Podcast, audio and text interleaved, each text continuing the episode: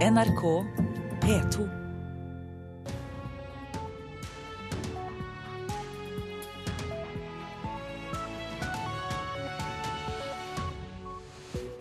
Her får du nyhetsbildet på morgenen. Vel møtt til Nyhetsmorgen onsdag 19.11. Dette er våre hovedsaker. Nærmere 30 personer kan ha blitt svindlet i nytt identitetstyveri i Oslo. Nye protester i Hongkong. Demonstranter forsøkte å trenge seg inn i parlamentet. Elever påstår at det er enklere å få gode karakterer på visse videregående skoler. Og du skal få høre at barnefortellingene om Karsten og Petra har omsatt for over 200 millioner kroner i bøker, filmer og TV-serier. Tror du at det kan bli ordentlig julestemning uten snø? Til sammen har de tre filmene om de to bestevennene blitt sett av over 590 000 barn og voksne. Her i studio i dag, Øystein Heggen. Nærmere 30 personer kan altså ha blitt svindlet i en ny stor ID-tyverisak i Oslo. Og du er med oss i studio nå, Eirik Leganger Nergård. God morgen til deg.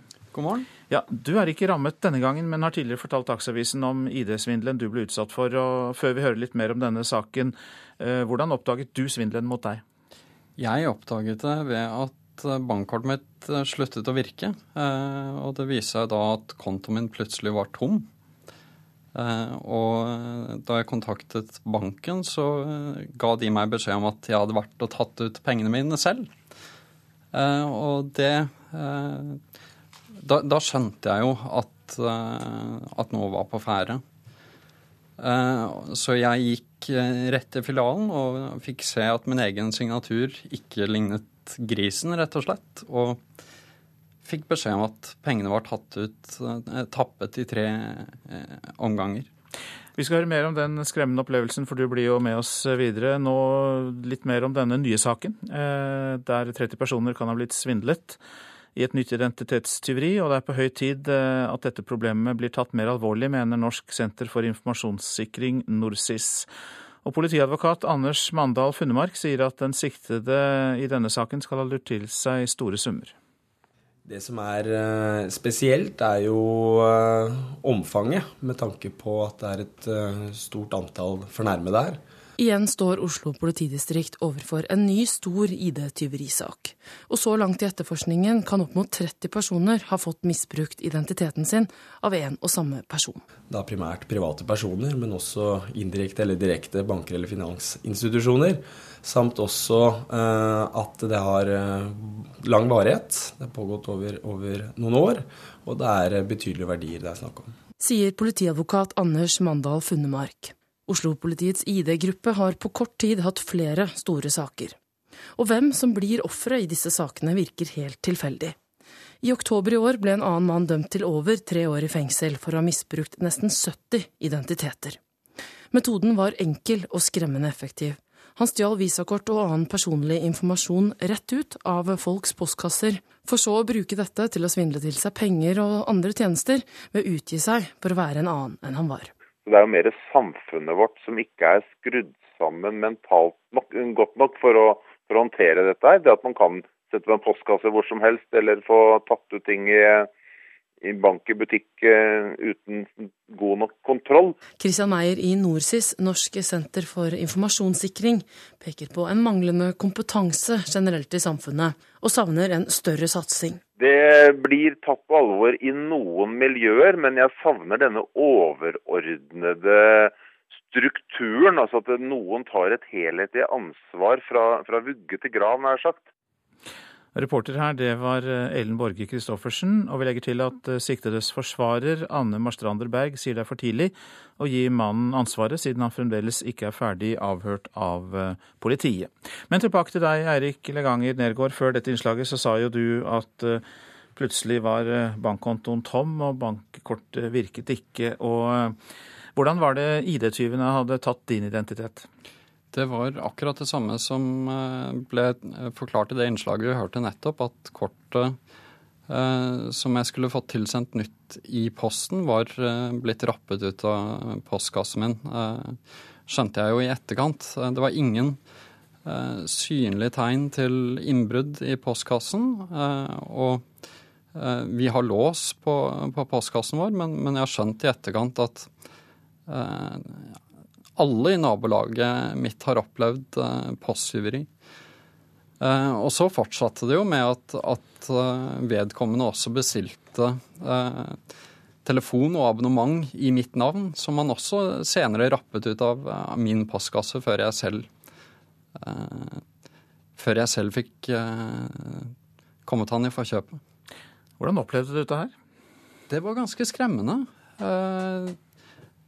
For den tanken på at, at, det er en person som, som støtt og stadig, og, og, egentlig mer eller mindre daglig, går og, og eh, snoker i mine ting. Eh, og i tillegg oppretter telefon, abonnement i mitt navn, oppretta e-postadresse i mitt navn, tok opp lån i mitt navn. Eh, og jeg følte meg altså ganske alene i det. Det var ikke noe hjelp for meg å få hos uh, politiet. Uh, hos banken så måtte jeg mer eller mindre ordne alt selv, følte jeg. Uh, så det, det, det, var, det, var, et prosjekt bare å finne ut av hva, hva jeg i det hele tatt skulle gjøre for å sikre, sikre, meg selv videre. Men du klarte det til slutt? Jeg klarte det til slutt. Jeg, gikk, jeg fant en nettside som er veldig fin, som heter idtyveri.info. Eh, hvor det står veldig godt forklart eh, hva man bør gjøre eh, hvis man blir utsatt for, for den type ting. Det gjelder å få sperra seg hos selskaper som gir ut kredittinformasjon så fort som overhodet mulig. Og det gjelder å, å ringe rundt til telefonselskaper og banker og, og, og forsikre seg om at, at, ingen har forsøkt å opprette noe i, i sitt navn. Eh, og det gjelder mer enn noe annet å, å sjekke postkassen sin jevnlig, både før eh, og etter noe, noe, sånt har skjedd. Det var mange gode råd, heldigvis, som eh, folk forhåpentligvis får med seg. Takk skal du ha. Takk. Eirik Leganger Nergård, som fortalte om da du altså ble utsatt for identitetstyveri. Takk skal du ha. Nå til Hongkong. Der var det nye sammenstøt mellom politi og demonstranter i natt. En liten gruppe demokratiaktivister forsøkte å ta seg inn i parlamentet i byen. Spenningen øker nå, etter at rettsvesenet har gitt tillatelse til å rydde området hvor aktivistene holder til.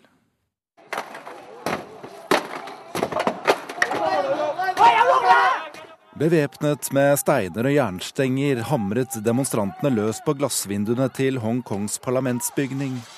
Aktivistene, som var kledd med hjelmer og annet beskyttelsesutstyr, kom seg aldri inn i bygningen, men bråket spredde seg raskt i byen.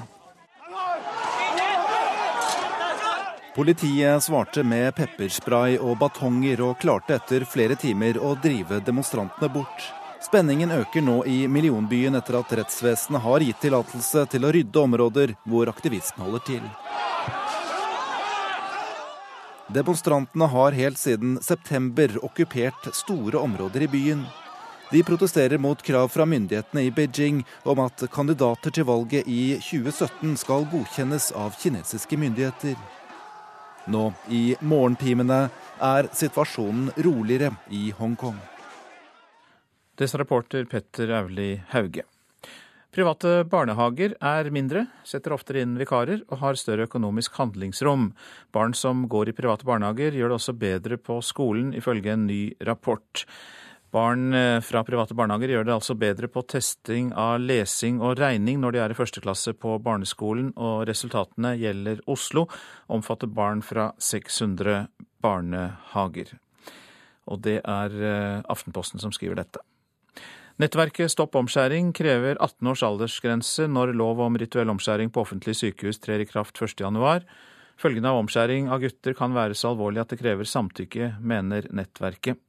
Inngrepet er irreversibelt og kan føre til problemer med både ereksjon og orgasme, skriver Dagsavisen. Barneombudet har ment at aldersgrensen bør være 15 eller 16 år. Olje- og gassutvinning i Lofoten og Vesterålen vil gi store ringvirkninger for regionen, blir det hevdet i en rapport laget for organisasjonen Norsk olje og gass.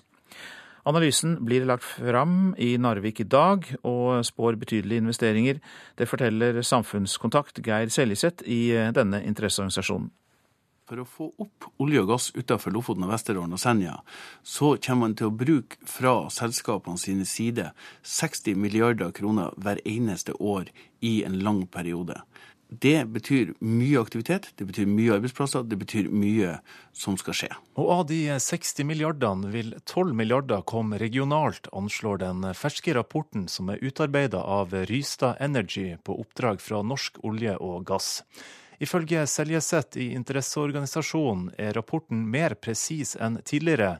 Den anslår at en åpning kan bety 1000 arbeidsplasser. Det er nok et steg som forteller oss at effekten ut av å gå i gang med olje- og gassvirksomhet i dette området er veldig høy, og kommer til å komme til gode for både næringsliv og for innbyggere i et stort område i Nord-Norge. Rapporten som presenteres i Narvik i dag, ser for seg at aktiviteten i områdene Nordland 6, 7 og Troms 2 først vil komme i gang rundt 2040 dersom politikerne går inn for det etter neste stortingsvalg? Jeg tenker at dette er gammelt nytt fra en eh, gjeng som er veldig ivrig for å åpne et av de mest sårbare og verdifulle områdene vi har. Sier leder av folkeaksjonen Oljefritt Lofoten, Vesterålen og Senja, Bente Kristine Lorentzen. Hun er ikke så sikker på at spådommene stemmer, og mener en åpning i 2018 er urealistisk. Vi merker at hele miljø- og klimadebatten dreier seg i en retning hvor man ser at man er nødt til å ta vare på og satse på de fornybare næringene. Og da vil det være helt merkelig om man skulle åpne de mest sårbare og verdifulle områdene i landet for oljevirksomhet. Og reporter her, det var Ole Marius Rørstad. Avisene nå. Facebook-side oppnådde bare 47 følgere, men kostet 20 000 kroner i konsulenthjelp. Aftenposten forteller at Forsvaret til sammen har brukt 43 millioner kroner på PR-konsulenter. Han følger med på alt hun gjør, men hun vet ikke hvor han befinner seg. VG skriver om forfølgere som er håpløst forelsket i sine ofre. 16% av oss blir utsatt for såkalt stalking eller en eller annen gang i livet. Nytt parti mot bomring i Stavanger. Bompenger er galskap og ran, sier tidligere Høyre-politiker Morten Lillesand, som varsler nytt antibompengeparti. Facebook-aksjonen hans mot ny bomring på Nord-Jæren har nå 22 000 følgere, kan vi lese i Stavanger Aftenblad. Dagens Næringsliv og Klassekampen skriver begge at Stortingets kontroll- og konstitusjonskomité reagerer på Telenors håndtering i VimpelCom-saken, og ber om en redegjørelse fra næringsministeren. Russiske VimpelCom, der Telenor er storeier, er under etterforskning for grove bestikkelser i Usbekistan. Den jødiske blokkeren Susanne Abel syns det er oppsiktsvekkende få norske reaksjoner på gårsdagens drap i Jerusalem. Skjer det ting i Gaza, er det fakkeltog og opprør på sosiale medier, sier hun til Vårt Land. Når angrepene er på israelsk side, virker det som folk tenker at de får som fortjent, sier Abel. Svensk ulv avgjør norske saueskader, kan vi lese i Nasjonen. Norsk rovdyrpolitikk har lite å si for ulvebestanden, sier ulveforsker Petter Wabakken. Rovdyr som felles, erstattes stadig østfra, sier han. Hvalsafari gir tidenes rekord i besøk og inntjening, skriver Nordlys om næringslivet i Kaldfjord i Troms. Hval- og nordlysturister strømmer til bygda for å sikre seg bilder og naturopplevelser. Tidligere Farmen-profiler raser mot årets sesong av realityserien, ifølge Dagbladet. Fjorårets seierherre Morten Heggedal mener konflikter får voldsomt mye næring, og at de opptar mye tid.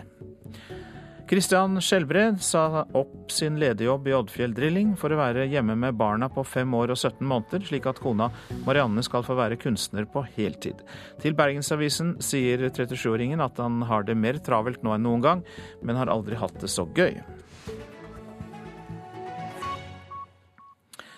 Så om kroppsspråket til Magnus Carlsen under gårsdagens parti i sjakk-VM, for det vakte jo stor oppmerksomhet. Carlsen selv bekrefter at han ikke var helt i slag. Men manager Espen Agdestein er ikke bekymret for formen til 23-åringen. Hadde kanskje ikke en veldig god dag, men det går jo opp og ned. Forhåpentligvis er han eh, frisk og rask. Han sa jo også at eh, formen ble bedre utover partiet. Vi så en Magnus Carlsen i dårlig slag under gårsdagens parti, og dersom han er sliten, så er ikke det første gang. Senest under OL i Tromsø så ble han trøtt, men også under kandidatturneringa til fjorårets VM-match så sleit Carlsen mot slutten og redda så vidt VM-plassen. NRK sin sjakkekspert Torstein Bae tror allikevel at Carlsen henger med. Jeg har sett det Magnus mange ganger før, at det går litt opp og ned bare på dagsformen. Og han er sikkert tilbake igjen i god form neste parti. Før VM starta så snakka alle om at det var Carlsen sin motstander Vichy Anand, som er 20 år eldre enn Carlsen, som ville få problemer med utholdenheten. Han har derimot sett uforskamma sprek ut. Vichy Anand ser pigg ut, han gjør absolutt det, og har nok fått energi at matchen tross alt har gått ganske bra for han. Selv om han ligger under, så har han nok fått uh, selvtillit av det at han har vunnet og spilt egentlig jevnt med Magnus gjennom, uh, gjennom hele matchen. I dag så får Carlsen en hviledag, og manager Espen Agdestein sier at 23-åringen muligens tar det litt roligere enn han pleier. Det kommer litt an på hva han føler. Det kan tenkes at han ønsker å å sove litt lenger. Eh, kanskje han har litt lite energi, at han ikke ønsker å å, drive for mye fysisk aktivitet, men en eller annen form for fysisk aktivitet eh, antar jeg at det blir. Og han er ikke syk? Nei, ikke som jeg vet om. Neste parti spilles altså i morgen klokka 13, og reporter var Henrik Agledal. Du lytter til Nyhetsmorgen. Klokka den går mot 6.46. Dette er hovedsaker. Nærmere 30 personer kan ha blitt svindlet i ny, stor ID-tyverisak i Oslo. Nye protester i Hongkong. Demonstranter forsøkte å trenge seg inn i parlamentet. Og vi skal snart høre at elever påstår det er enklere å få gode karakterer på visse videregående skoler. Men om en knapp time er det Politisk kvarter, og i dag legger Arbeiderpartiet fram sitt alternative budsjett. Ap-leder Jonas Gahr Støre kommer til deg, Håvard Grønli, for å snakke om det. Og hvilken betydning har det at Arbeiderpartiet kommer med sitt budsjettalternativ når de står utenfor stortingsflertallet? Ja, jeg tenkte å spørre Støre om eh, hvor opptatt de har vært av å friste sentrumspartiene KrF og Venstre med det de legger fram i dag, og om han tror Aps budsjett kan påvirke det som skjer i de langdrygge budsjettforhandlingene mellom regjeringa, KrF og Venstre. Støre møter um, Frp-leder Siv Jensen til en duell om hvem sitt uh, budsjett som gir best vilkår for vekst og velferd i dette landet. Politisk kvarter klokka 7.45 hos uh, Håvard Grønli, altså.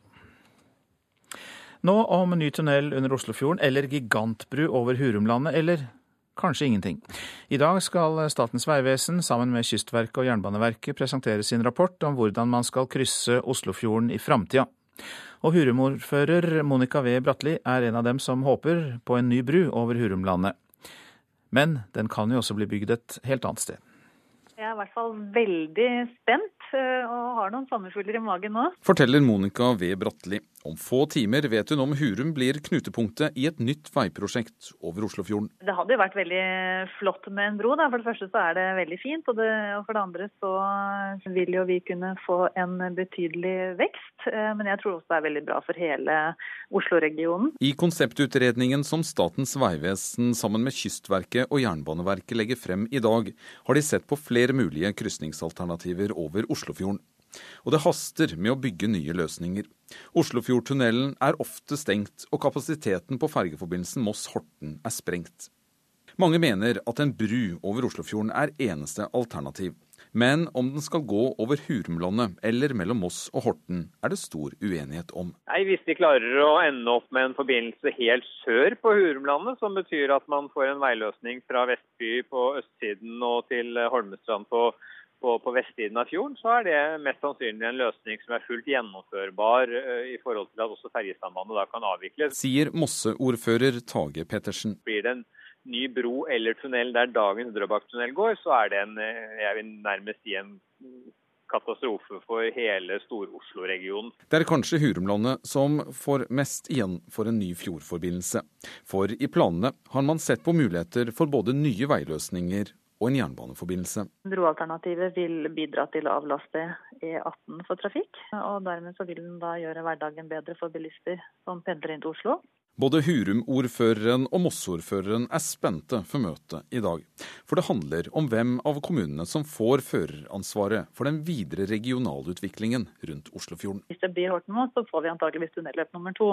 Og da det, blir det også en eh, forbedring enn det vi har i dag. Det er klart at Jeg er veldig spent på hva som har kommet ut av alle disse årene med utredninger og, og prosesser, og, og, jeg er veldig, veldig spent før møtet. Reportasjen var laget av Per Håkon Solberg. Det er en utbredt oppfatning blant elever i Rogaland at det er noen videregående skoler i fylket det er lettere å få gode karakterer på. Karakterene blir gransket både av skolene selv, av fylket og direktoratet, men elevene som har gått på forskjellige skoler, mener det blir gitt ulike karakterer for samme arbeid. For jeg har jo ikke utvikla meg noen ting som helst på sommerferien. Hallo. I gikk jeg ut med fire i norsk og, og, og en veldig, veldig, veldig svak femmer i matte. Og nå, for Sist uke fikk jeg nettopp tilbake to prøver i norsk og matematikk. Der begge fagene hadde gått opp. 17 år gamle Øyvind Bogen går i andre klasse på Hetland videregående i Stavanger. Og Han mener det er lettere å få gode karakterer der enn på Kongsgård, hvor han gikk i fjor. Jeg har jo ikke gjort noen ting for å få det til å gå opp. Altså, Jeg jobbet med norsk, norskinnleveringen før jeg sendte den inn, selvfølgelig. Men eh, jeg har jo ikke utvikla meg på en sommerferie og noen uker på skolen. Så kan vi gå inn og se på noe som de er veldig opptatt av nå. Torolf Hellemo, rektor på Hetland videregående skole, studerer fjorårets eksamensresultater. Etter 24 år som rektor har han hørt det før, at på enkelte skoler er det lettere å få femmere og seksere. Som hovedregel er det ikke noe i det, men selvfølgelig kan det være unntak. Eh, vi har så eh, tett samarbeid mellom skolene. Eh, vi har normer for hvordan karakterene skal settes. Og spesielt på studiespesialisering, der veldig mange av eksamenene er sentralgitt. Der får vi jo vurdert av helt uavhengige sensorer. Og våre lærere er òg ute og er sensorer og får justert sitt nivå i forhold til både kollegaer i fylket, men òg i andre fylker. Jeg tror du at de får eh, bedre karakterer på, på Randaberg og på Hetland eh, fordi det er lettere å komme inn der? Eh, jeg er nesten helt sikker, men jeg kan ikke si noe sikkert. Men det er i hvert fall det jeg har hørt. Så jeg gikk jo på Sola videregående i en måned, hvor det var egentlig ganske lett å få femmere. Men når jeg kommer her, så syns jeg det var kjempevanskelig, liksom. For det var veldig forskjellig. Det sier Andrea Lorentzen, som går andre året på St. Olav videregående i Stavanger. Men er det sånn? De sier så, da, men jeg tror det kommer mer an på lærerne og hva de gir. Skolene passer på hverandre, fylkeskommunen passer på skolene, og Utdanningsdirektoratet sammenligner eksamens- og standpunktskarakterer. Og vi har eh, innført praksis med at eh, lærerne kryssretter. Dvs. Si at gjerne to lærere retter en del besvarelser uten at de vet hva den andre har satt, for å se eh, om nivået er likt. Er det mye lettere å få gode karakterer her på Hetland enn det var på Kongsgård? Ja, noe ligger det i hvert fall i det, for jeg har jo gått opp, og jeg har jo ikke gjort noe for å gå opp. Du har ikke jobbet hardere? Nei. Det at han har sagt det på radioen, og kommer det til å slå tilbake på han? Nei, nei. Overhodet ikke. Ikke inn på rektor sitt kontor? Å nei, det kan du være sikker på. Men tror du at du kommer til å gå ut fra videregående skole med et bedre karaktersnitt for det at du valgte å skifte skole fra, mellom første og andre klasse? Nei, det blir i så fall små marginer, tror jeg da. Reporter her, det var Johan Mile Laugaland. Kvinner lar ofte være å si sin mening på sosiale medier av frykt for å støte andre. Det kommer fram i en rapport fra Institutt for samfunnsforskning. Kan bli et demokratisk problem, sier en av forskerne. Blant folk på gata i Oslo er det delte meninger. Jeg syns det er litt trist. Jeg går ut fra at folk frykter en eller annen konsekvens, og de holder vel ærlige meldinger. Det syns jeg er dumt, at ikke folk kan si hva de mener. Det er jo viktig å kunne si sin mening, men man, samtidig så må man passe på at man ikke ødelegger for andre. da. Og nettopp den holdningen er det flere som deler. Frykten for å såre andre gjør at flertallet av oss lar være å ytre sine ærlige meninger i sosiale medier. Det er 8,7% som sier at de ville ytre en mening som er viktig for dem, hvis det var fare for å støte personer eller grupper. Det sier Kari Sten Johnsen, som er en av forskerne bak rapporten. Ifølge tallene deres er kvinner særlig tilbakeholdne. Kun 5% av de spurte ville ytret sin mening i sosiale medier dersom det var risiko for å fornærme andre. Johnsen tror det kan være flere grunner til dette. De er ikke forsiktige bare når det gjelder med å såre og støte andre, men også mer forsiktige i forhold til frykten for å bli latterliggjort og, og, og, selv bli utsatt for trakassering. sånn at det ligger en forsiktighet hos kvinner fordi at de kanskje kan føle seg mer utsatt i det offentlige ordskiftet også. Selv om det er positivt at vi ikke vil støte andre, påpeker Johnsen også negative sider ved saken. Hvis denne utviklingen fortsetter, kan det i verste fall bli et demokratisk problem, sier forskeren. Hvis det er sånn at noen stemmer systematisk blir borte fra ordskiftet, mindretallsstemmene, så kan det bli et problem for et samfunn. For da mister vi noen stemmer som vi gjerne skulle hatt med. Og det sa Kari Sten Johnsen til reporterne Camilla Wernersen og Vegard Valestrand. Barnefortellingene om Karsten og Petra nå, de har omsatt for 200 millioner kroner i bøker, filmer og TV-serier. Det var trygt å satse på noe som var så populært fra før, sier filmprodusenten, men syns det er synd at få vil investere i nye og originale bøker og filmer for barn. Julegrøt og julekaker, julenek og jule... Siste tilskudd i Karsten og Petra-universet er filmen om Karsten og Petras vidunderlige jul. Tror du at det kan bli ordentlig julestemning uten snø? Til sammen har de tre filmene om de to bestevennene blitt sett av over 590 000 barn og voksne.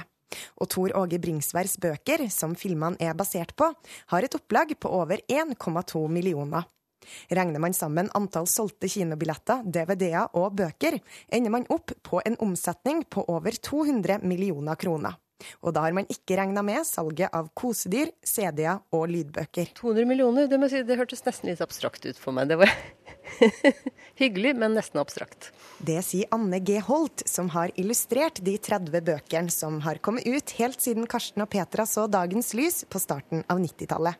Hun tror grunnen til at bøkene har fått et så langt liv, er at de først og fremst er hverdagslige og trygge, men også tidløse. Når jeg begynte å lage disse illustrasjonene, så tenkte jeg at de, de skulle ikke være hippe og moderne eh, à la 92. Så jeg tenkte nok at de skulle ha et så langt liv som mulig. Men 22 år hadde jeg jo aldri tenkt. For produsent Silje Hopland Eik var det viktig at bøkene om Karsten og Petra var såpass populære før de gikk i gang med prosjektet. Hun tror det er mye lettere å satse på trygge og etablerte prosjekter enn å satse nytt. Vi eh, skulle ønske at vi kunne være mer nyskapende og lage mer eh, originalt materiale. Men som filmprodusent i Norge i dag, så eh, ser vi at de som investerer i film, de vil ha kjente merkevarer. Noe de kan vite på forhånd hvordan kommer til å gå. Ja tror at vi to alltid kommer til å være venner. Bendik Samuelsen, som er professor i markedsføring ved Handelshøyskolen BI, mener Karsten og Petra er et godt eksempel på at man har etablert en trygg og kjær plattform gjennom bøkene, slik at man kan se etter andre medieflater og videreutvikle konseptet på. Dette illustrerer vel det ganske enkle at barnefamilier er en, eh, en, relativt kjøpeorientert målgruppe. Men selv om den totale omsetningen av Karsten og Petra nå har nådd over 200 millioner kroner, er det ikke slutt for Anne G. Holt og Tor Åge Bringsvær. Planen vår er å lage bøker hvert år, sånn som vi alltid har gjort. Så tenner vi ett lys i kveld. Vi tenner det for glede. Det står og skinner for seg selv og oss som er til stede. Hvorfor tenner vi ikke bare alle lysene nå? For da blir det jo jul med en gang. Reportasjen var laget av Åsta Hoem Hagen og Jarl Nymo. Så tar vi for oss værvarselet fram til midnatt, og begynner med Langfjella. Skyet vær, men opphold. I kveld kan det hende litt snø i øst. Fjell i Sør-Norge unntatt Langfjella, oppholdsvær og gløtt av sol. Østland og Telemark ser vi samlet. På kysten opp i liten kuling. Det blir skyet vær, spredt regn vesentlig sør for Oslo og snø over ca. 500 meter. Vi går til Agder. På kysten opp i liten kuling og skyet vær. Regn i ytre strøk øst for Mandal, ellers stort sett opphold. Noe sol kan det også bli i Agder i dag. Vestlandet sør for Stad oppholdsvær og perioder med sol. Møre og Romsdal og Trøndelag stort sett pent vær. Nordland på kysten enkelte regnbyger, ellers skiftende bris og pent vær. Troms i ytre strøk sørvestlig opp i liten kuling og enkelte regnbyger, ellers bris og skyet oppholdsvær. Finnmark. På Finnmarksvidda delvis skyet opphold, ellers vestlig stiv kuling utsatte steder. Det blir enkelte regnbyger ellers i Finnmark, men mest i vestlige områder.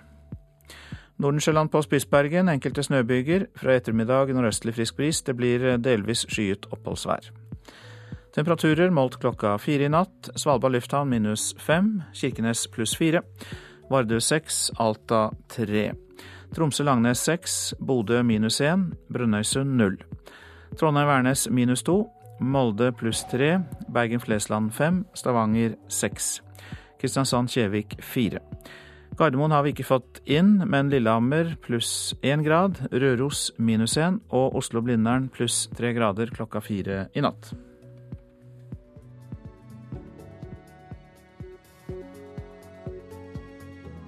NRK P2.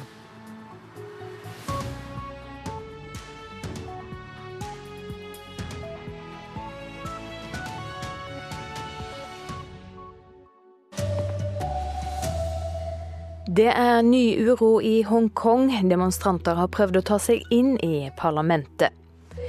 Og pensjonsgiganten KLP trekker seg ut av kålgruveselskap til fordel for grønne aksjer. Her er NRK Dagsnytt klokka sju. I Hongkong har det altså vært nye sammenstøyter mellom politi og demonstranter i natt. En liten gruppe demokratiaktivister forsøkte å ta seg inn i parlamentet. Spenninga øker i byen etter at rettsvesenet har gitt løyve til å rydde områder der aktivistene holder til. Bevæpnet med steiner og jernstenger hamret demonstrantene løs på glassvinduene til Hongkongs parlamentsbygning. Aktivistene, som var kledd med hjelmer og annet beskyttelsesutstyr, kom seg aldri inn i bygningen, men bråket spredde seg raskt i byen. Demonstrantene har helt siden september okkupert store områder i byen.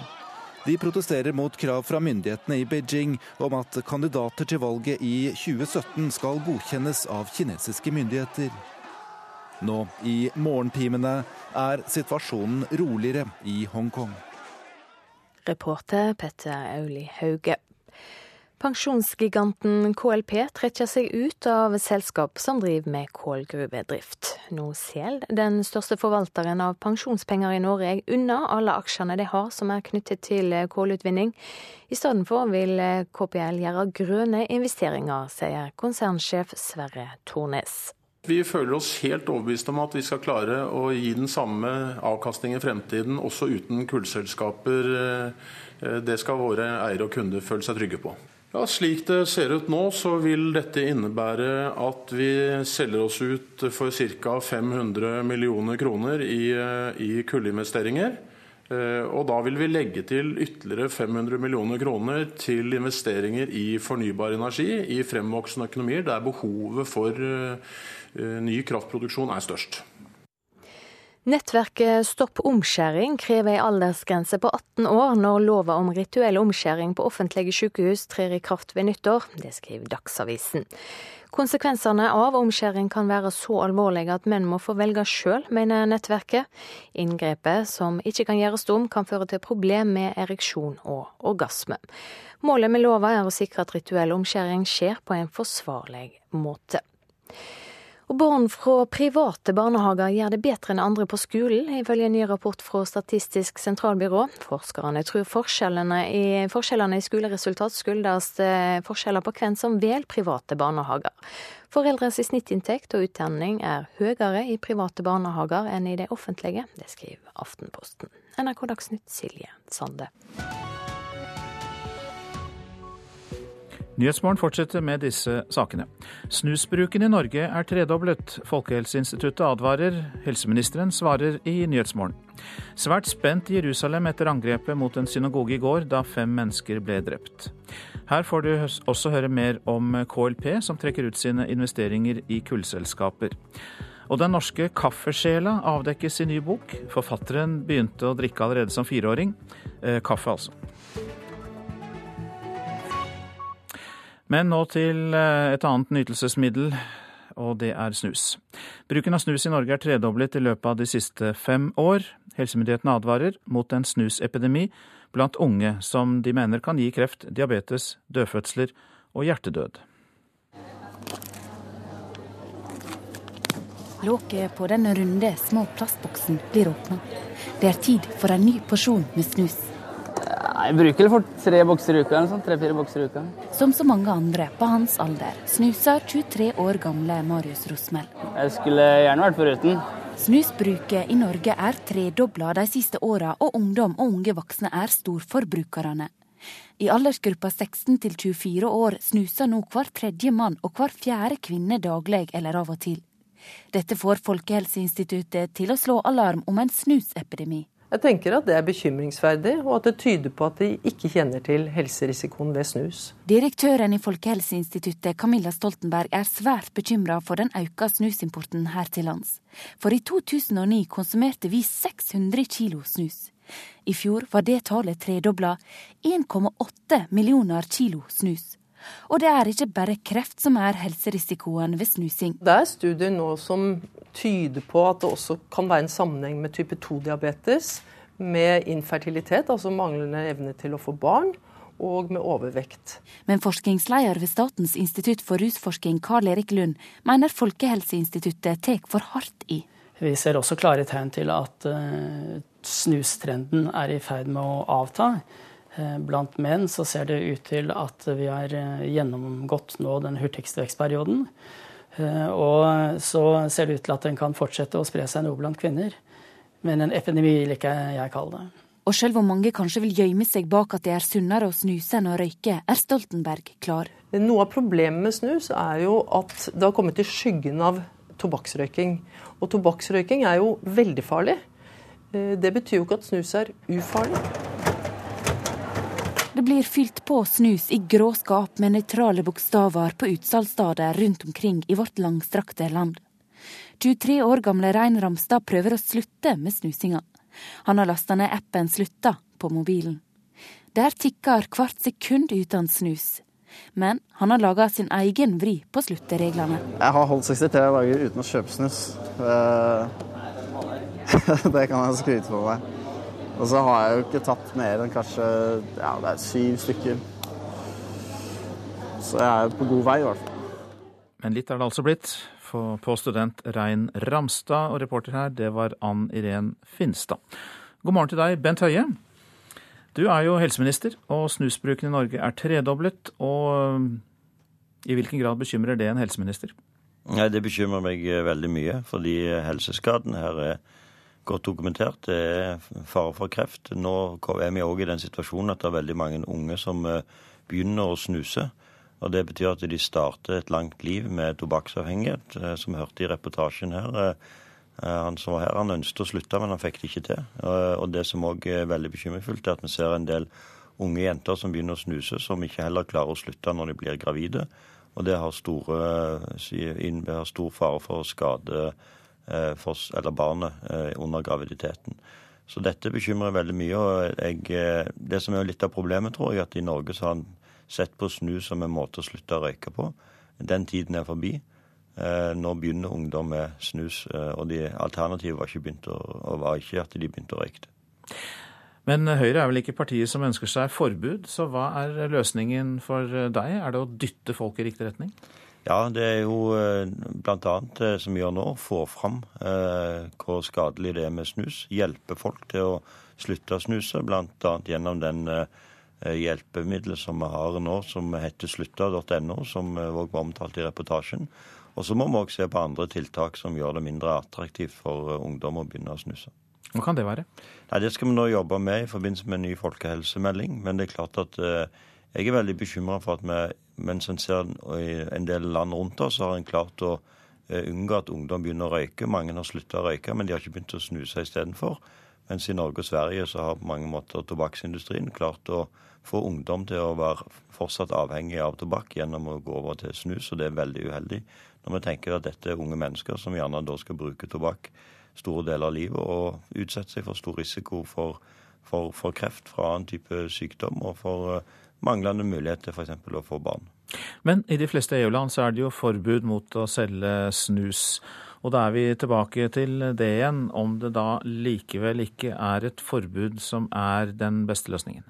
Jeg eh, opplever ikke at vi skal eh, gå så eh, drastisk til verks. Jeg tror at vi kan, på samme måte som med røyk, så kan vi få en veldig positiv utvikling med å bruke andre virkemidler. Det er det vi må vurdere i første omgang. Det viktigste nå å få ut informasjon til ungdom at det er farlig å snuse. Ungdom er jo nå mye mer opptatt av å ta vare på helsen sin. De er flinkere til å gjøre det. De Eh, røyker mindre, de drikker mindre alkohol. De, de er ganske aktive og, og, tenker gjennom helsen sin. og Da må de òg få vite at eh, det å snuse er farlig. Og Jeg ser jo at eh, dessverre en del av våre forbilder på området, idrettsstjernene, eh, nå snuser helt åpenlyst. Og jeg tror vi kommer til å synes at det er like latterlig og merkelig som, vi nå ser bilder fra idrettsfolk som røykte på 50- og 60-tallet. Så vil vi riste på hodet om noen år over idrettsfolk som snuser i dag. Så helseminister Bent Høie har ikke noe mot at det kan bli litt teit å snuse når du blir intervjuet på TV, en idrettsstjerne f.eks.? Altså, jeg syns jo det er egentlig litt merkelig. fordi at eh, når jeg var liten, så var liksom eh, bestefar men han snuste, og han var fisker. Eh, og det å se nå unge jenter som snuser, og ungdom som er så opptatt av kropp og utseende at de snuser, det syns jeg er litt merkelig. Jeg syns vi må tilbake igjen til at vi syns at det å snuse er noe ekkelt som, som, som ikke driver på med. Det var siste ord i denne omgang fra helseminister Bent Høie. Takk skal du ha. Nå om pensjonsgiganten KLP som kaster ut kullselskaper fra sine investeringer. Norges største forvalter av pensjonspenger selger unna alle aksjer i kullselskaper. I stedet vil KLP gjøre grønne investeringer, sier konsernsjef Sverre Tornes. Vi føler oss helt overbevist om at vi skal klare å gi den samme avkastning i fremtiden, også uten kullselskaper. Det skal våre eiere og kunder føle seg trygge på. Kan kommunalt ansattes pensjonspenger trekkes ut av kullselskaper uten at pensjonene blir mindre verdt.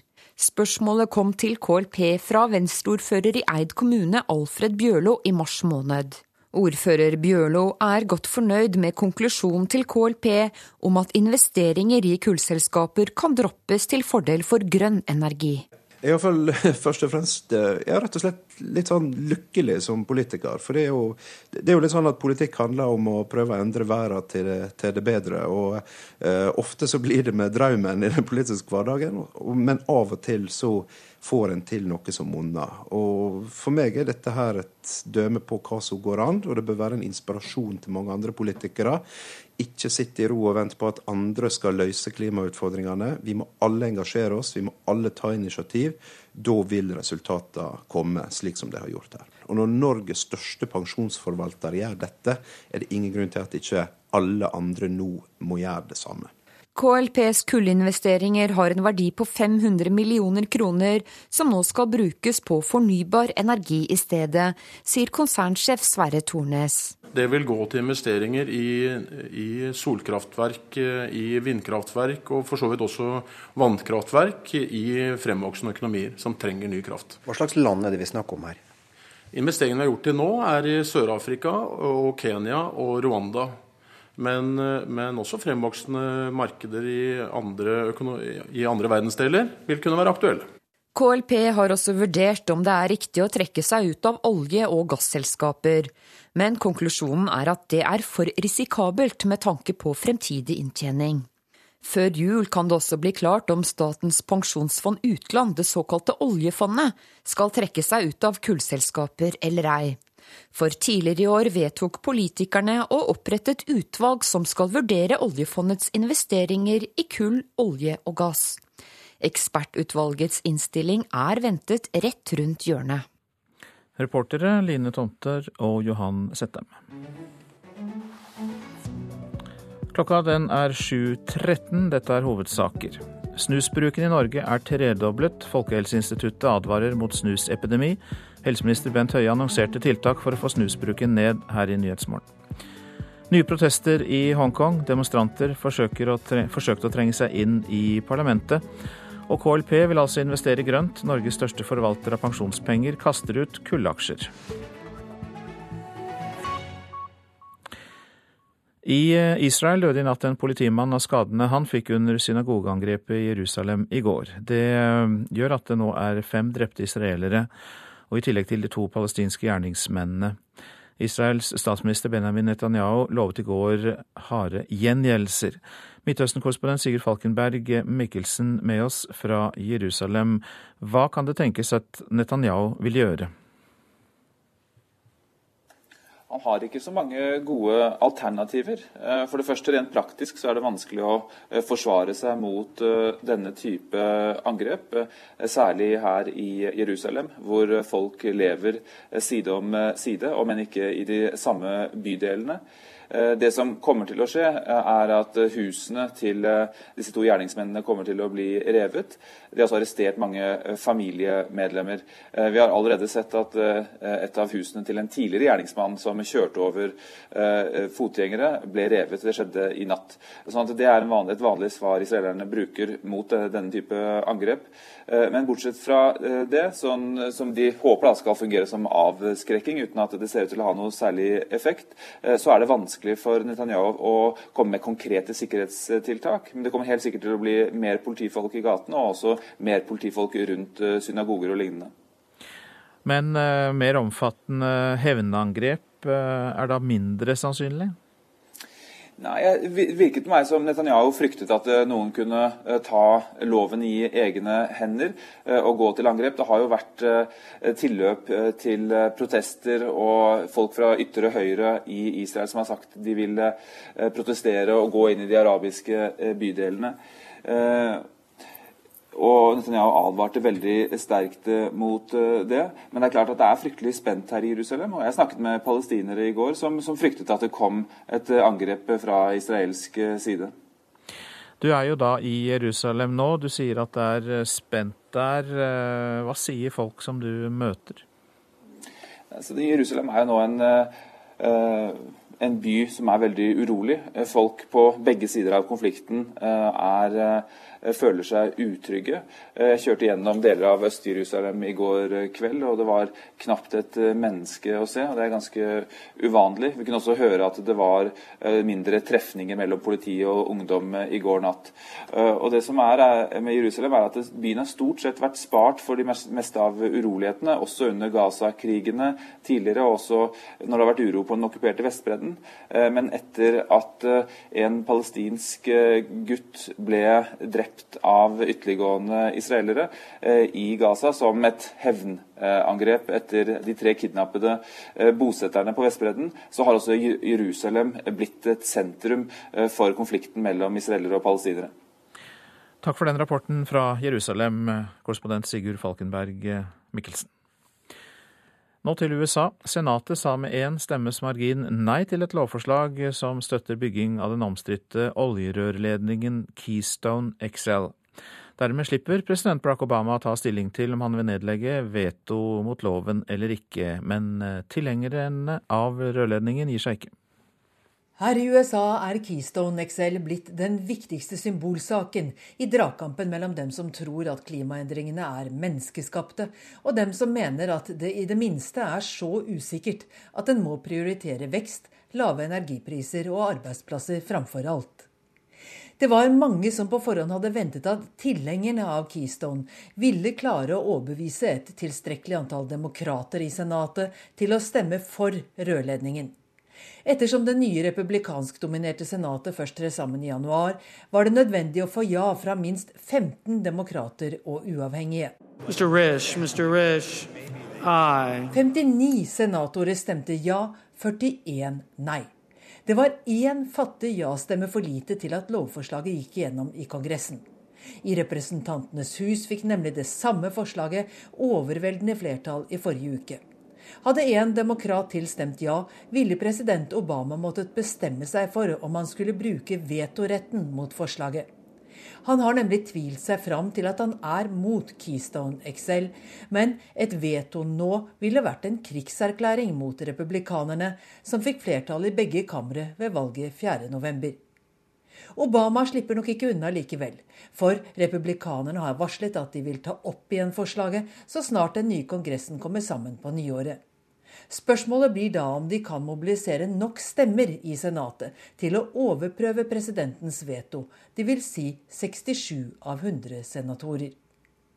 Keystone XL skal, om den blir bygget, frakte olje utvinnet fra tjæresand i Alberta i Canada til raffinerier i nærheten av Mexicogolfen.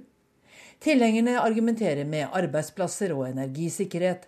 Motstanderne viser til at det etter anleggsfasen er snakk om maksimalt 100 ekstra jobber.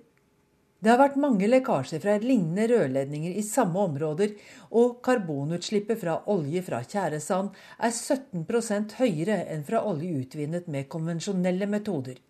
Et ja til Keystone XL er også et ja til tjæresandsvirksomheten, og gjør seg dårlig for en president som i forrige uke forpliktet seg til å kutte USAs karbonutslipp med en firedel av 2005-nivå innen 2025.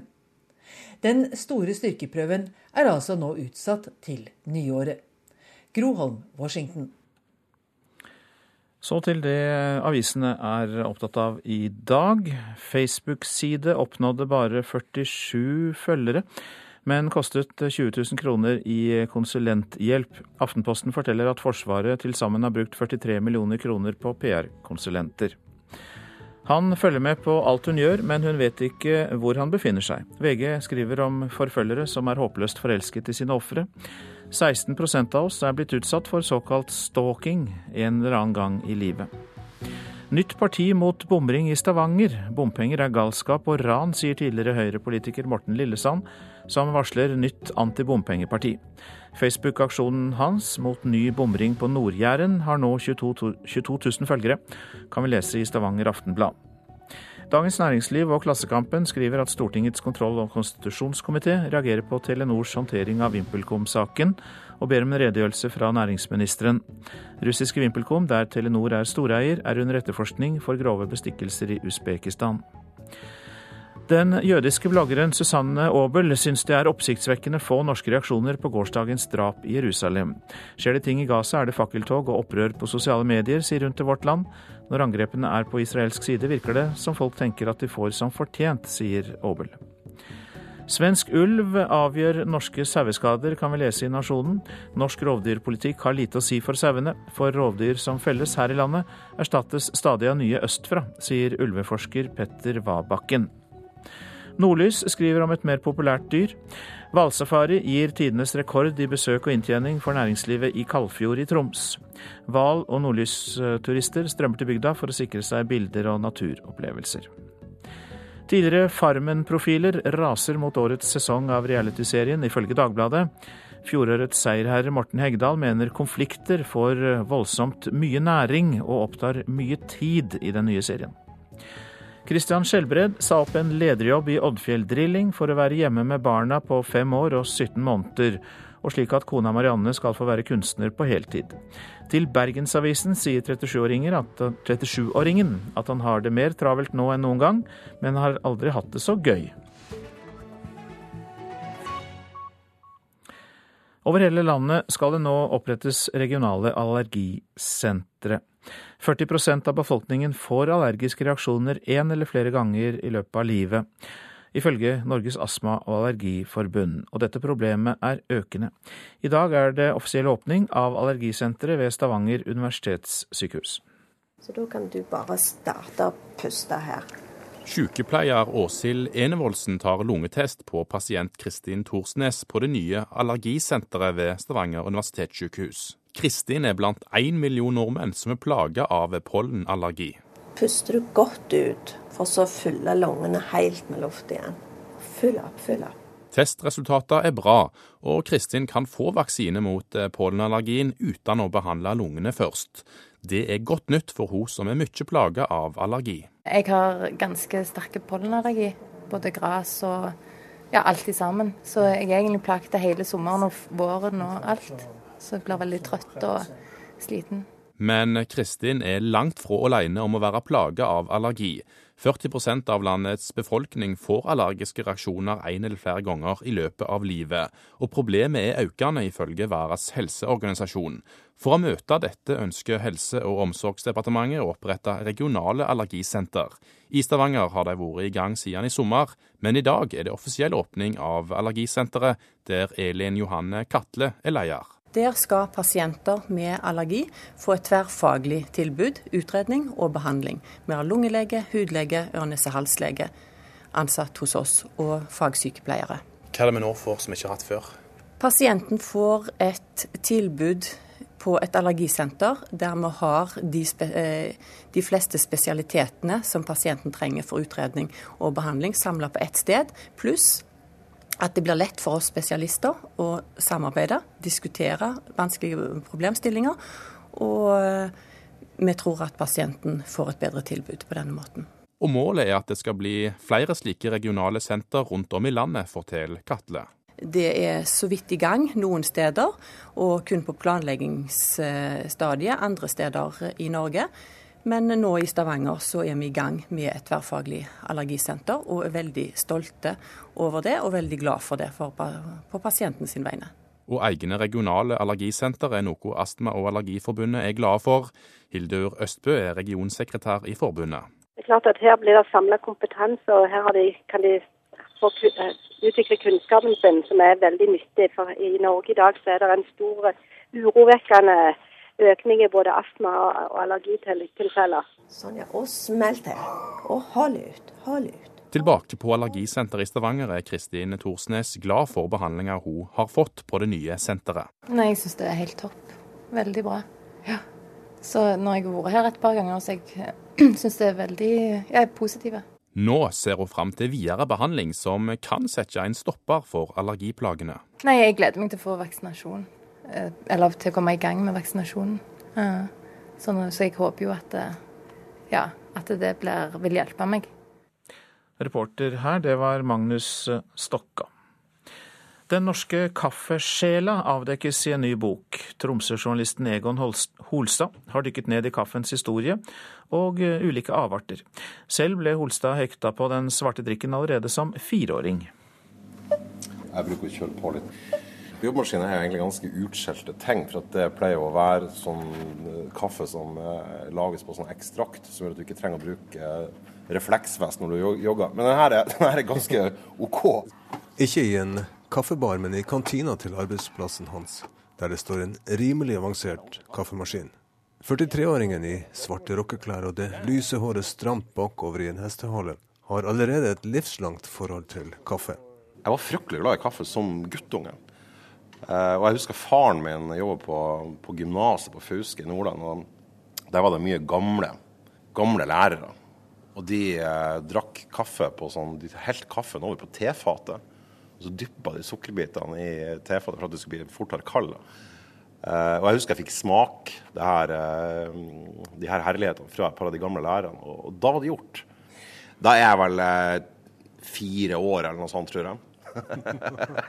så kaffen og, kaffen og jeg har vært eh, ja, vi har vært eh, nære venner i snart 40 år.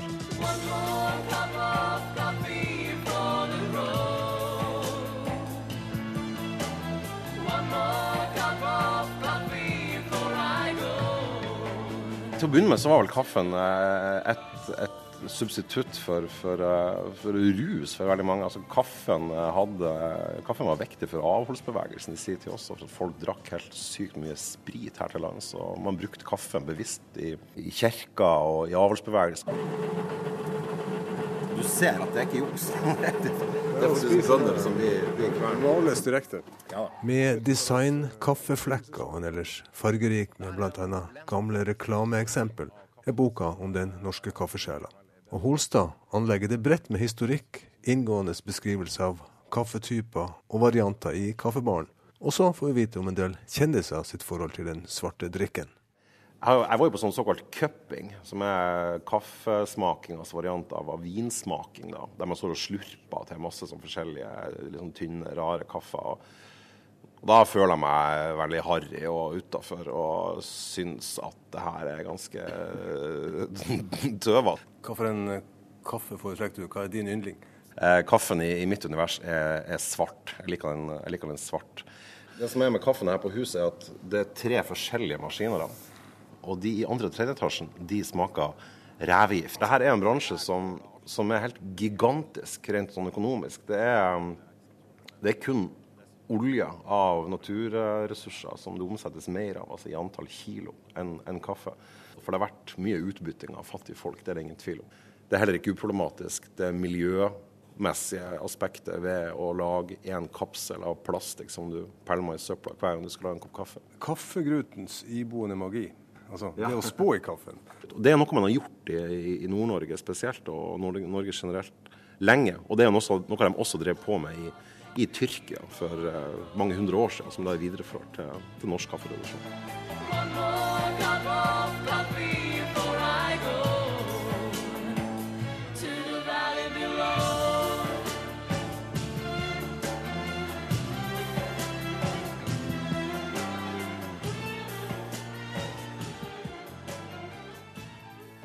Det var den tyrkiske artisten Sertab som avsluttet kaffepraten med Bob Dylan-låten 'One More Cup of Coffee'.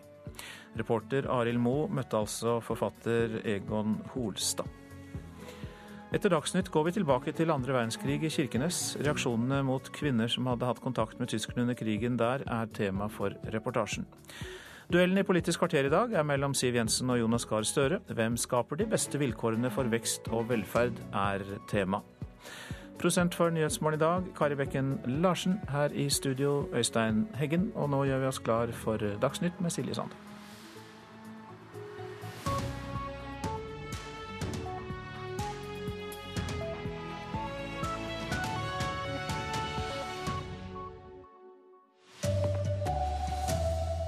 Snusbruken i Norge er tredobla. Fagfolk kaller det en snusepidemi blant unge. Oslo-politiet er i ferd med å rulle opp en ny, stor svindelsak der folk er frastjålne identiteten sin. Og pensjonsgiganten KLP bytter kålgruveaksjer med grønne investeringer. God morgen, her er NRK Dagsnytt klokka 7.30. Snusbruken i Norge er tredobla i løpet av de siste fem åra. Helsestyresmaktene slår nå alarm om en snusepidemi blant unge. Snusbruk kan føre til kreft, diabetes, dødfødsler og hjertedød. Låket på den runde, små plastboksen blir åpna. Jeg bruker for tre bokser i uka. Sånn, tre-fire bokser i uka. Som så mange andre på hans alder snuser 23 år gamle Marius Rosmel. Jeg skulle gjerne vært foruten. Snusbruket i Norge er tredobla de siste åra, og ungdom og unge voksne er storforbrukerne. I aldersgruppa 16 til 24 år snuser nå hver tredje mann og hver fjerde kvinne daglig eller av og til. Jeg tenker at det er bekymringsverdig, og at det tyder på at de ikke kjenner til helserisikoen ved snus. Direktøren i Folkehelseinstituttet Camilla Stoltenberg slår alarm om en snusepidemi. I 2009 konsumerte vi 600 000 kilo snus. I fjor var det tallet tredobla. 1,8 millioner kilo snus.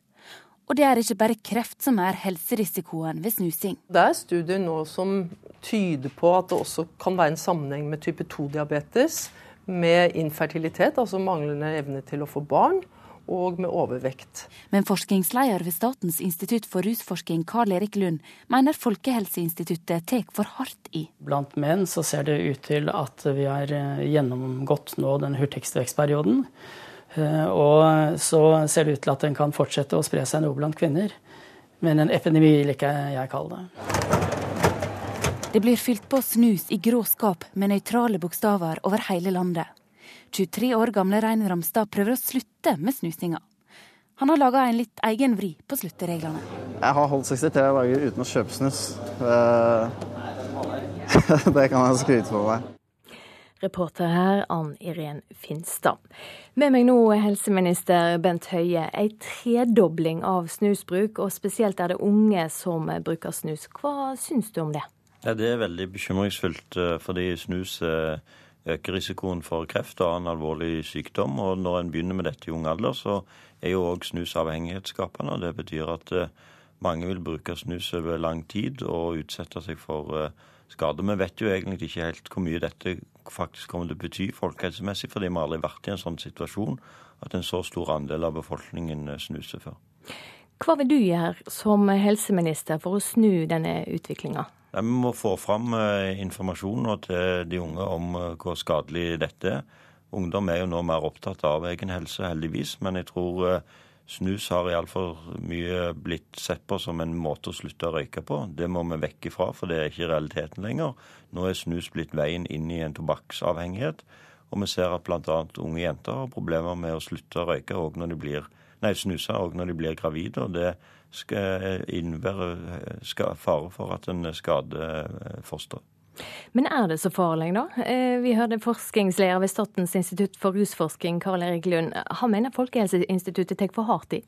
Altså, han mener at det er i ferd med å flate ut veksten. Det, ser, eh, det, kan jeg alltid diskutere, men jeg ser at det er fortsatt en altfor stor andel av norsk ungdom som begynner å snuse. Og det vil føre til helseskade som er helt unødvendig. Eh, og Derfor så er det viktig å, å få fram informasjon om, om skaden. Jeg tror vi i framtiden vil se på det som å snuse når eh, idrettsutøvere i dag åpenlyst snuser, som er like merkelig og, og som vi i dag ser på bilder fra 50- og 60-tallet at idrettsutøvere røykte etter en kamp eller etter en ski, skitur. Takk skal du ha for at du kom i studio, helseminister Bent Høie. Nær 30 mennesker kan ha blitt svindla i en ny stor ID-tyverisak i Oslo. For eh, kort tid siden ble en mann dømt til flere års fengsel etter å ha tatt kontroll over 70 nordmenn sine bankkontoer og postadresser.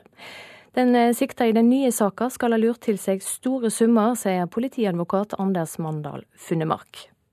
Det som er eh, spesielt, er jo omfanget, med tanke på at det er et stort antall fornærmede her. Da primært private personer, men også indirekte eller direkte banker eller finansinstitusjoner. Samt også eh, at det har eh, lang varighet. Det har pågått over, over noen år. Og det er betydelige verdier det er snakk om. Sier politiadvokat Anders Mandal Funnemark. Oslo-politiets ID-gruppe har på kort tid hatt flere store saker. Og hvem som blir offeret i disse sakene, virker helt tilfeldig. I oktober i år ble en annen mann dømt til over tre år i fengsel for å ha misbrukt nesten 70 identiteter. Og Forsvareren til den sikta i den nye ID-tyverisaka understreker at mannen ikke er ferdig avhørt, og ser det derfor er for tidlig å gi han ansvaret for svindelen. Reporter Ellen Borge Christoffersen. Utenriks nå, i Hongkong har det vært nye sammenstøter mellom politi og demonstranter i natt. En liten gruppe demokratiaktivister forsøkte å ta seg inn i parlamentet. Spenninga øker i byen etter at rettsvesenet har gitt løyve til å rydde områder der aktivistene holder til. Bevæpnet med steiner og jernstenger hamret demonstrantene løs på glassvinduene til Hongkongs parlamentsbygning. Aktivistene, som var kledd med hjelmer og annet beskyttelsesutstyr, kom seg aldri inn i bygningen, men bråket spredde seg raskt i byen. Demonstrantene har helt siden september okkupert store områder i byen. De protesterer mot krav fra myndighetene i Beijing om at kandidater til valget i 2017 skal godkjennes av kinesiske myndigheter. Nå i morgentimene er situasjonen roligere i Hongkong. Det sa reporter Petter Auli Hauge. Pensjonsgiganten KLP trekker seg ut av selskap som driver med kålgruvedrift. Nå ser den største forvalteren av pensjonspenger i Norge unna alle aksjene de har som er knytta til kålutvinning. I stedet for vil KPL gjøre grønne investeringer, sier konsernsjef Sverre Tornes. Vi føler oss helt overbevist om at vi skal klare å gi den samme avkastning i fremtiden, også uten kullselskaper. Eh, det skal våre eiere og kunder føle seg trygge på. Kan kommunalt ansattes pensjonspenger trekkes ut av kullselskaper uten at pensjonene blir mindre verdt? Spørsmålet kom til KLP fra venstreordfører i Eid kommune, Alfred Bjørlo, i mars måned. Ordfører Bjørlo er godt fornøyd med konklusjonen til KLP om at investeringer i kullselskaper kan droppes til fordel for grønn energi. Jeg er utrolig glad, og jeg syns det er godt å vite at eh, det å engasjere seg på grasrota for klima faktisk kan gi virkninger som monner, både i nasjonal og global sammenheng. KLPs kullinvesteringer har en verdi på 500 millioner kroner, som nå skal brukes på fornybar energi i stedet, sier konsernsjef Sverre Tornes. Det vil gå til investeringer i, i, solkraftverk, i vindkraftverk og for så vidt også vannkraftverk i fremvoksende økonomier som trenger ny kraft. KLP har også vurdert om det er riktig å trekke seg ut av olje- og gasselskaper, men rapporten konkluderer med at det vil være for risikabelt med tanke på fremtidig inntjening. Reportere Line Tomter og Johan Settem, og det blir straks debatt om denne saka i Politisk kvarter. Hoppkometen Philip Sjøen er tatt ut på laget til verdenscupåpninga i skihopping. Dermed får unggutten som har imponert i sommer, sin debut i verdenscupen. Også Anders Fannemel, Tom Hilde, Anders Jacobsen, Rune Welta og Anders Bardal er med på lista som ble offentlig nett nå. Philip Sjøen ønsker å prege hoppsirkuset fra start. Det er alltid en drøm å være med å prege hopprenn, er gæren. Norges nye hoppkomet Philip Sjøen er klar for verdenscupåpninga i tyske Klingenthal førstkommende helg. Unggutten som fyller 19 år på julaften, har forventningene klare før rennet. Det må være å egentlig kose meg på hopprenn og helst være med å prege, prege renn. Anders Bardal har vært selvskreven på laget en god stund, og han ser også frem til rennet. Jeg gleder meg. Nå er forberedelsene unnagjort. Eh, de er gjort akkurat som planlagt, og ting funker ganske bra. Så nå er jeg veldig spent på å komme i gang. Jeg gleder meg. Og Sjøen har allerede troen på en pallplassering. Med, med, litt mer tid nå, så begynner ting virkelig å stemme. Altså. Det er ikke helt umulig at du står på toppen av seiersballen om eh, noen dager? Nei, det, alt kan skje i skihopping. Og Hoppsesongen starter med lagkonkurranse på lørdag og individuell konkurranse på søndag. Reportere Henrik Agledal og Halvor Ekeland. Ansvarlig for eh, Dagsnytt denne morgenen, Bjørn Christian Jacobsen. Teknisk ansvarlig Hanne Lunås. Her i studio, Silje Sande.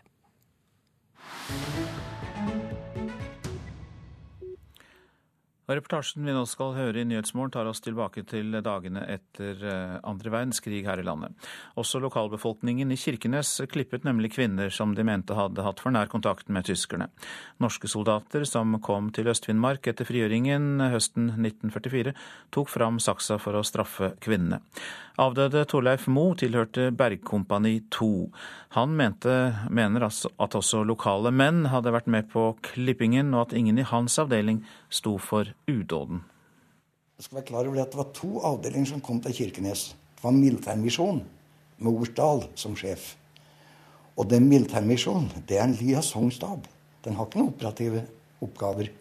Det er rett og slett, De har ikke soldater i det hele tatt.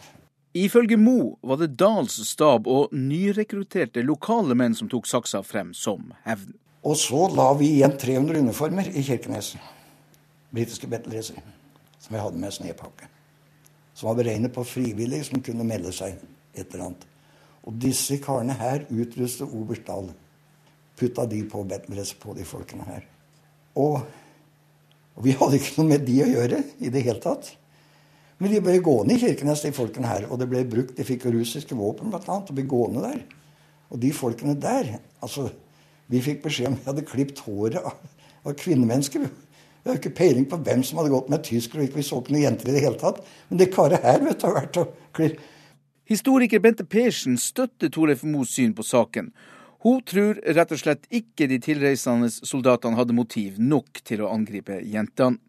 Det motivet hadde derimot de lokale ungguttene, sier hun. Det er mer nærliggende å tro at det var de lokale guttene som sto bak skamklippingen av jentene. Fordi de hadde sterkere følelsesmessige bånd til de jentene fra lokalsamfunnet. Jeg vil se på skamklippingen som en form for hevn fra forsmådde friere. Og eh, det med at de ble utstyrt med militære uniformer, det ga også de guttene en høyere status de ble til eh, soldater med felles moral og autoritet til å handle på kollektivets vegne. Lokalhistoriker Rune Rautio fra Sør-Varanger sier at han aldri har hørt om at lokale menn begikk disse overgrepene. Men, sier han, om noe slikt hadde skjedd, så er det så mye skam forbundet med handlinga at ingen vil snakke om det. Men jeg har ikke hørt noensinne uttalt uh, tydelig at uh, det var lokale som deltok i det. Og man skulle i utgangspunktet tro at uh, i et lite samfunn som Kirkenes, så hadde man bedt seg spesielt merke i det. Og det hadde blitt spesielt uh, huska om det var lokale som deltok i det. Så det skulle da i utgangspunktet indikere at kanskje var det ikke lokale, men som sagt, det her er veldig det er veldig følsomme saker, sånn at ingenting kan utelukkes. Evelyn Olsen Lid fra Jakobsnes i Sør-Varanger var ti år da klippinga skjedde. Hun kan huske den dagen da 25 unge jenter i Bjørnevatn ble halt ut av husene og skamklippa. Men at dette ble gjort av lokale menn i engelske battledresser, det kan hun ikke huske, og det har hun heller ingen tro på. Jeg tror ikke det. Jeg tror ikke noe på det der. Jeg har ikke hørt om noen som har fått noe utdelt, noe, noe uh, uniformer eller noe sånt. Hvis det der hadde vært noe i, så burde man jo ha hørt det iblant de her uh, ungdommene som var her på Jakobsnes, f.eks., de her guttene.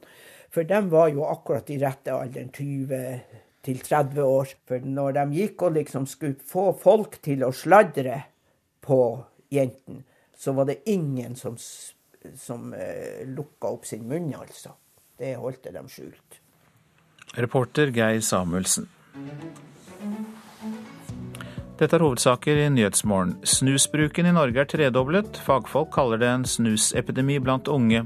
Helseminister Bent Høie sier snus øker risikoen for kreft og annen alvorlig sykdom. Oslo-politiet er i ferd med å rulle opp en ny stor svindelsak der folk blir frastjålet identiteten sin. Det er på høy tid å ta dette problemet mer alvorlig, mener Norsk senter for informasjonssikring, NorSIS. Pensjonsgiganten KLP bytter kullgruveaksjer med grønne investeringer. Pengene skal i stedet brukes på vind, sol og vannkraft. Og i Hongkong har det vært nye sammenstøt mellom politi og demonstranter. En mindre gruppe demokratiaktivister forsøkte å ta seg inn i parlamentet. Nå til Politisk kvarter. Programleder der i dag er Håvard Grønli.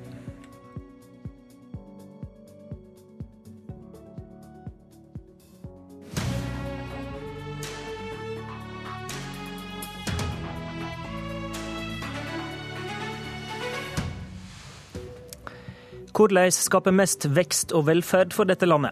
I dag kommer Arbeiderpartiet med si oppskrift i sitt alternative budsjett. Jonas Gahr Støre møter Frp-lederen til debatt. God morgen, Jonas Gahr Støre.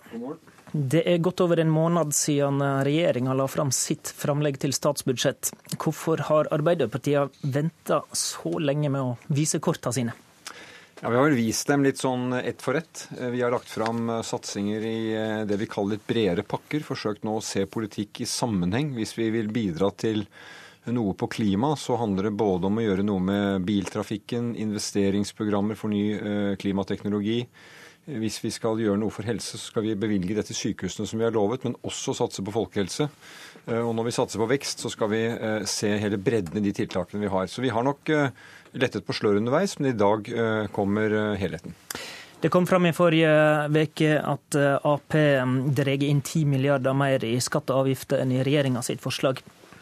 Hva er den store satsinga som dere bruker dette handlingsrommet på? Vi, si det slik at vi velger ikke å ta det valget regjeringen gjør, nemlig med å gi de store skattekuttene. Eh, og Det gir oss muligheter til å satse på eh, områder hvor eh, vi tror vi får større effekt for å få tak i vekst, arbeidsplasser, nyskaping, forskning, klimaløsninger. Så det er noen store satsinger her. Jeg nevnte at vi følger opp løftene våre på sykehus, som denne regjeringen ikke gjør.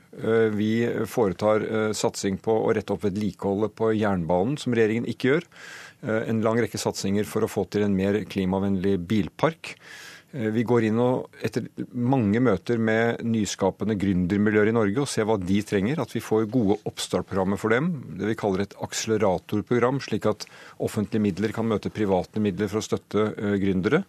Eh, vi satser mer på det staten stiller opp med i de store bypakkene for kommunikasjon, altså jernbane, T-bane, miljøvennlige busser. Der må vi stille opp mer som fellesskap. Så det er en lang rekke slike områder hvor vi tror at eh, vi kan få langt mer effekt hvis vi skal få vekst og sysselsetting, enn disse store skattekuttene, som jo nå økonom, eh, etter økonom har sagt har liten eller veldig uklar effekt. Det var ei lang liste, og uh, Den er enda lengre. Kan jeg love deg? Hvis du kommer på presentasjonen, skal du få se det hele. det vil jeg tro. Men nå flyger partiet høyt på meningsmålingene. Posisjonen din som partileder vil være trygg i lang tid. Det er lenge til neste valg, og sannsynligvis en god stund til dere må ta regjeringsansvar. Hadde ikke dette vært et godt tidspunkt på å vise fram en større reform, eller større vyer, eller ny politikk? Altså jeg mener jo at eh, Et statsbudsjett gir deg valg til å vise retning med handlefriheten landet har. Eh, landet har litt mer å bruke neste år enn i fjor. Eh, da må vi fornye måten vi bruker penger på over tid. Og så må vi satse på de områdene som vi trenger for det jeg kaller å bygge landet. Og Det som er en del av mitt prosjekt, er å vise til at i dette landet så blir vi flere mennesker, flere i byene, flere eldre, og vi skal gjøre dette innen en ramme klima tåler. Og Da er det mye i dette budsjettet som er store endringer i retning. Særlig dette med å kunne tilpasse vekst og arbeid til noe som også er godt for klima og miljø.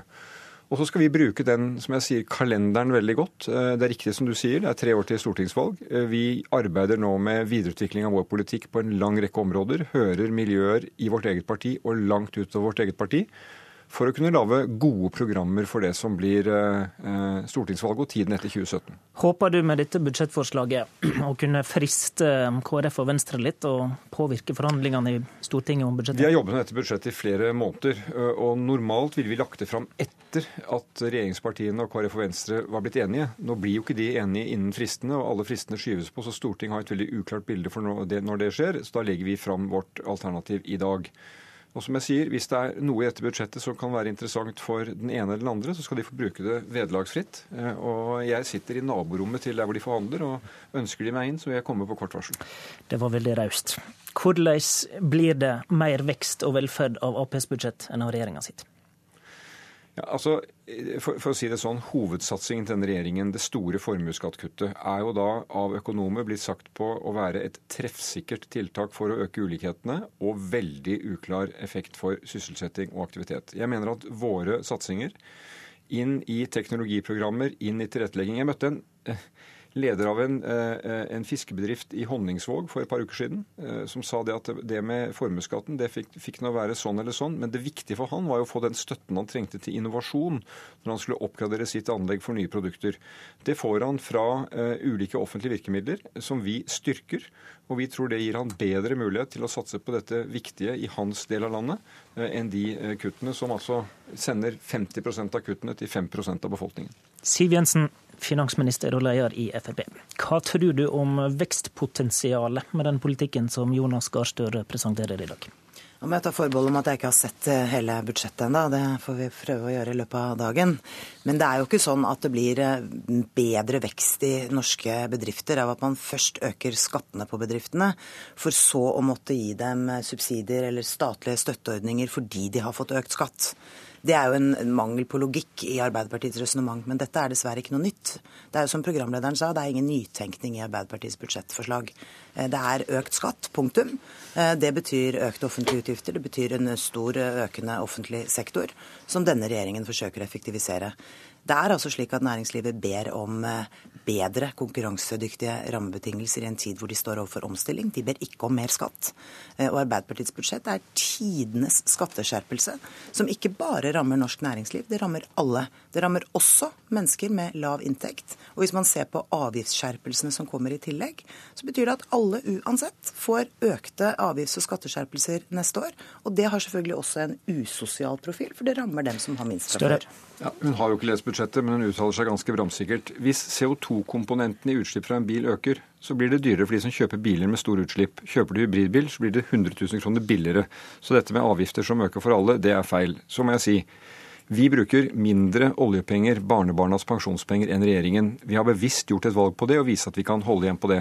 Men, den, dere, den, men, den, men dere, drar inn 7,5 eh, milliard mer i skatt og 2,5 eh, milliard mer i avgifter. Jo, men, så en del av analysen eh, er vel nei, korrekt? Men nå må vi tenke på historiefortellingen. For nå er vi i 2014, og i 2013 hadde vi et skattenivå. Denne regjeringen har foreslått store skattekutt. Nå får vi se hva som blir resultatet i forhandlingene. Og når vi ikke innfører de skattekuttene, så betyr det i Siv Jensens vokabular at vi skjerper skattene. Nei. Vi gikk til valg på at det nivået vi hadde i 2013, det var et godt nivå for den perioden, 2013-2017. Og dette er en regjering som altså har økt de offentlige utgiftene til et rekordnivå. Nå vokser de offentlige utgiftene mer enn veksten i økonomien. En klassisk høyresak at sånn skulle det ikke være. Siv, så hun skal være forsiktig med å omtale det offentlige forbruket, for det har hun bidratt med Siv i bøtter og spann. For det første så vokser jo det offentlige forbruket ytterligere med det budsjettopplegget dere legger opp til, fordi dere lar være å gi de skattelettelsene regjeringen gjør, og så bruker dere det på å øke de offentlige utgiftene. Det forsterker jo det bildet. Så jeg tror kanskje du bør tenke litt gjennom det resonnementet en gang til.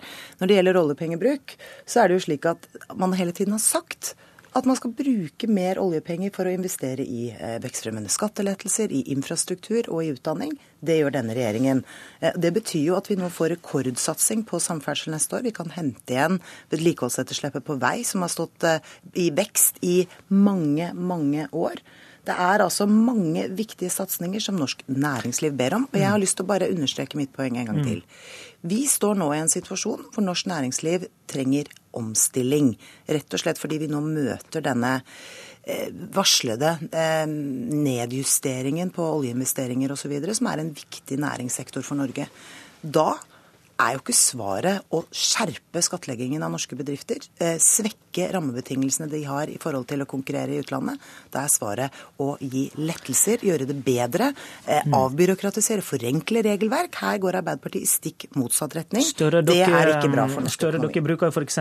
en halv milliard til, eh, til sammen til regionale utviklingsmidler og program for gründere. Kunne ikke det vært like effektivt for samfunnet å gjøre som Siv Jensen sier da, å gi gi den letten til de bedriftene som skal nyte godt av dette, og få den veksten, i stedet for å dele de pengene tilbake? Jeg har et helt åpent sinn for det. Hvis det hadde vært slik at vi kunne få dokumentert at et grep for skattelette kunne gitt den effekten, så skulle vi studert den med interesse. Men altså, jeg leser alle de økonomene som har uttalt seg om den profilen som regjeringen har på skattekutt. Og fra Frisch-senteret på Universitetet i Oslo, som er eh, høyt respektert, så sier de at det er faktisk vanskelig å komme på skattekutt som er mindre vekstfremmende og mer ulikhetsskapende enn disse. Og de gründerne som jeg har møtt, de sier at det de kaller dødens dal, når de har en god idé, trenger penger før det vanlige virkemiddelapparatet kommer, det er en kritisk fase. Det vi gjør der, er å si at vi bruker 250 millioner offentlige penger matchet med 250 millioner private penger til å kunne gi støtte til disse menneskene i den fasen. Det tror jeg faktisk er langt mer treffsikkert enn dette brede, og la, la oss si, brede mm. skattekuttet som treffer utrolig smalt. Utrolig skjevt. Er ikke denne oppskrifta mer treffsikker, Siv Jensen? Det er jo bred enighet i Norge om at vi skal ha et godt virkemiddelapparat, eh, hvor man også gir eh, offentlige teknologinøytrale ordninger ut. Da kan vel du òg styrke det, da? Problemet til Støre er at her skjerper han først skatten på bedriftene, som han så skal gi tilbake tilbake i form av ulike støtteordninger. De får ikke mer lønnsomhet av det, den blir svekket av det. Og så har jeg jo hørt Arbeiderpartiets litt elleville resonnement nå når det gjelder formuesskatt, for de sier at det, det, er ikke, det, er jo ikke, Arbeiderpartiets problem eller statens problem at bedriftene går med underskudd. Eh, for det, er jo problemet for mange bedrifter, at selv i en underskuddsposisjon så må de betale formuesskatt. Men det blir jo ikke bedre for bedrifter som går med underskudd, at de må gå med enda større underskudd fordi dere skjerper formuesskatten. Det vi trenger nå, er lønnsomme, trygge bedrifter som kan investere mer, som kan sysselsette flere det er særlig viktig i en tid hvor mange bedrifter omstiller seg, hvor noen bedrifter nedbemanner. Da trenger vi å sørge for at vi får flere ben å stå på. Mm. Da må næringslivet vårt være lønnsomt. Eh, til slutt på dette temaet, Jensen. Er du redd for at Støre kan eh, friste sentrumspartiene som dere nå prøver å bli enige med? Nei, på ingen måte. For nå ser vi jo med all tydelighet hva som er alternativet. Nå ser vi jo også hvorfor det ble regjeringsskifte. Velgerne ville ikke ha skjerpede skatter. De ville ha et mer dynamisk næringsliv, og det jobber de fire partiene sammen om å få til. Det er ikke helt sikker på, er det vi ser, Siv Jensen, at det er det velgerne sier. Og ser du på de alternative budsjettene de andre partiene har lagt fram, så er de faktisk på dette området langt nærmere vårt enn regjeringens.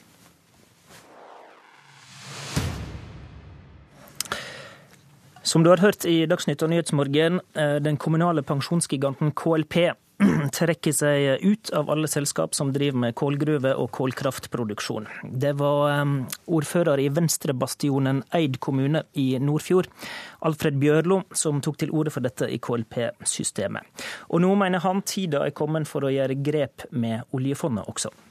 KLP har nå syntes at dette er finansielt rett å gjøre, å flytte pengene fra de skitneste formene av fossil, eh, fossil, energi over til det fornybare. Og en sier at det er finansielt rett å gjøre. Og jeg ser ingen grunn til at ikke oljefondet skal gjøre det samme. Så det KLP har gjort nå, dette bør være snøballen som begynner å rulle, og det må få konsekvenser for Statens pensjonsfond utland i neste omgang. Sa Eid-ordfører Alfred Bjørlo. Siv Jensen og Jonas Gahr Støre sitter fortsatt. Om kort tid kommer ei utgreiing fra ei ekspertgruppe på ditt eh, bord, finansminister Siv Jensen, med vurdering av om vi skal trekke oljefondet ut av kullselskap. KLP mener altså at det går an å gå ut av slike selskap uten særlig finansiell risiko. Du har tidligere ytra skepsis til å drive idealisme på denne måten med pensjonspengene våre. Men hvis en kan gjøre et sånt klimagrep uten at det koster, hva da? Ja, nå har regjeringen satt ned det ekspertutvalget nettopp for å få en vurdering av et mulig slikt uttrekk, basert på ønske fra eh, Stortinget. Jeg skal ikke forskuttere de konklusjonene før jeg faktisk får rapporten i månedsskiftet. Men jeg tror det er viktig å understreke at eh, det norske oljefondet, Statens pensjonsfond, er jo bredt investert over hele verden. Vi har jo mange, mange milliarder kroner investert i fornybar energi eh, rundt omkring i hele verden. På samme måte som vi har investert i en lang rekke andre selskaper. Og det handler jo om eh, at vi forvalter det norske folks pensjonspenger. Eh, da må vi sørge for at det er forutsigbart, stabilt og langsiktig, slik at vi får den avkastningen fondet trenger. Jo, men det er viktig, fordi noen mm. mener jo at vi skal, at vi skal bruke dette fondet nærmest som et lite leketøy for å ta ulike politiske prioriteringer. Det vil jeg advare mot, mm. fordi det, er, eh, det, vil redusere avkastningen større, eh, for større. pensjonspengene våre. Støre, mener du det er av interesse for oljefondsdiskusjonen at KLP konkluderer slik de gjør? Ja, det er interessant. Og jeg kommer til å fremme forslag igjen, som vi gjorde i fjor, at Statens pensjonsfond utland bør ut av kull. Og det Bjørlo eh, bør gjøre, er å ringe sine kolleger i Venstre på Stortinget og få dem til å stemme for det de er for. Dere hadde en disputt i fjor, ja? Jo, men disputt er en ærlig sak. Nå det, så svarte regjeringen med å si at la oss utrede dette, og det er fint, la oss utrede det. Men jeg tror at argumentene for at vårt pensjonsfond som skal vare evig, ikke er engasjert i det skitneste av kull, som er den absolutte verstingen, de argumentene er veldig tungtveiende. Vi ser fram til å få den utredningen, som jo også ser på olje og gass. Der er jeg mer i tvil, for der tror jeg vi kanskje kan påvirke mer gjennom å ha eierskap. Men på kull mener jeg regnskapet er ganske klart, og jeg syns at det flertallet som vi trolig har i Stortinget for det, det kan vise seg. Utgreiinga kommer om et par uker, og da vil eh, denne debatten fortsette å gå. Ap legger fram sitt budsjettforslag klokka 8.30. Du kan følge det på nrk.no, og Nyhetsmorgen vil også være til stades. Politisk kvarter var ved Håvard Grønli. Hør flere podkaster på nrk.no podkast.